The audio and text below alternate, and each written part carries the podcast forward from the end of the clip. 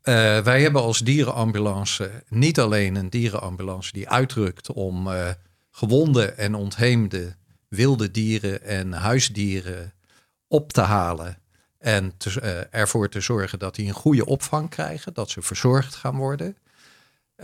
we hebben ook een vogelasiel waarin we de vogels zelf verzorgen. En bij elkaar hebben we meer dan 100 vrijwilligers en die kunnen niet zomaar aan de slag. Die moeten echt van tevoren eerst getraind worden. Want hoe pak je een slang als je een melding krijgt, er wordt ergens een slang aangetroffen en iedereen is er bang voor. Hoe moet je die oppakken? Hoe moet je omgaan met een reiger?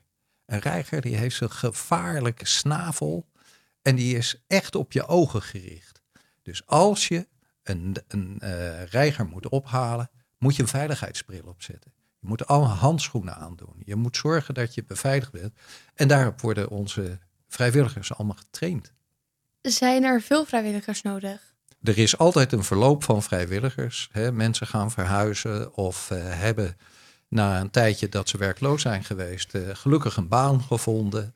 En kunnen dan uh, niet meer op de dagen dat we ze nodig hebben werken. Dus we, we zijn voortdurend op zoek naar nieuwe vrijwilligers. En met name bij wat we noemen de centralisten, de mensen die de telefoontjes opvangen.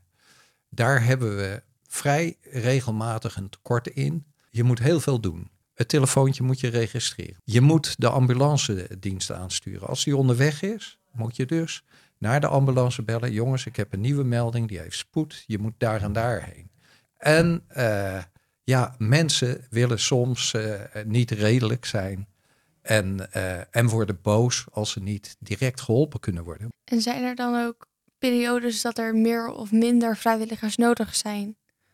Nou, als je bijvoorbeeld nu in ons uh, vogelasiel gaat kijken, dan zijn er denk ik uh, tussen de 10 en de 20 vogels. En kom je midden in de zomer, dan, dan zitten er meer dan 100. En, en, en soms nog meer.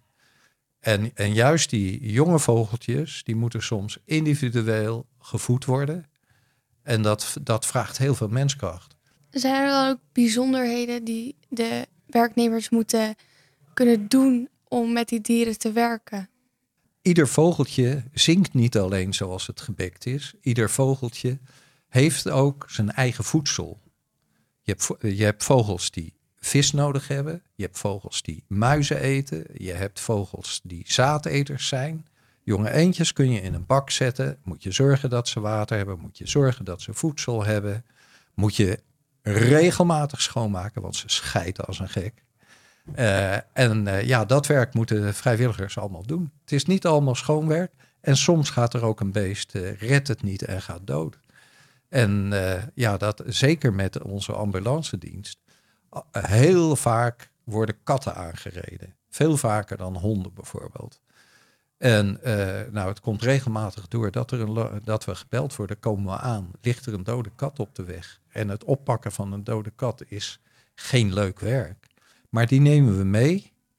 Uh, die, dan proberen we via de chip erachter te komen wie de eigenaar is. En dan bespreken we met de eigenaar, wat wilt u dat er met uw dier gebeurt? Hoe kunnen mensen zich hiervoor aanmelden?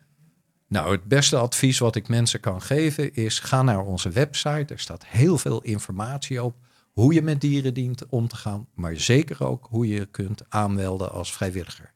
En eh, één opmerking nog bij: je moet wel ouder zijn dan 18, want onder de 18 uh, kunnen we je helaas niet, uh, niet mee laten doen.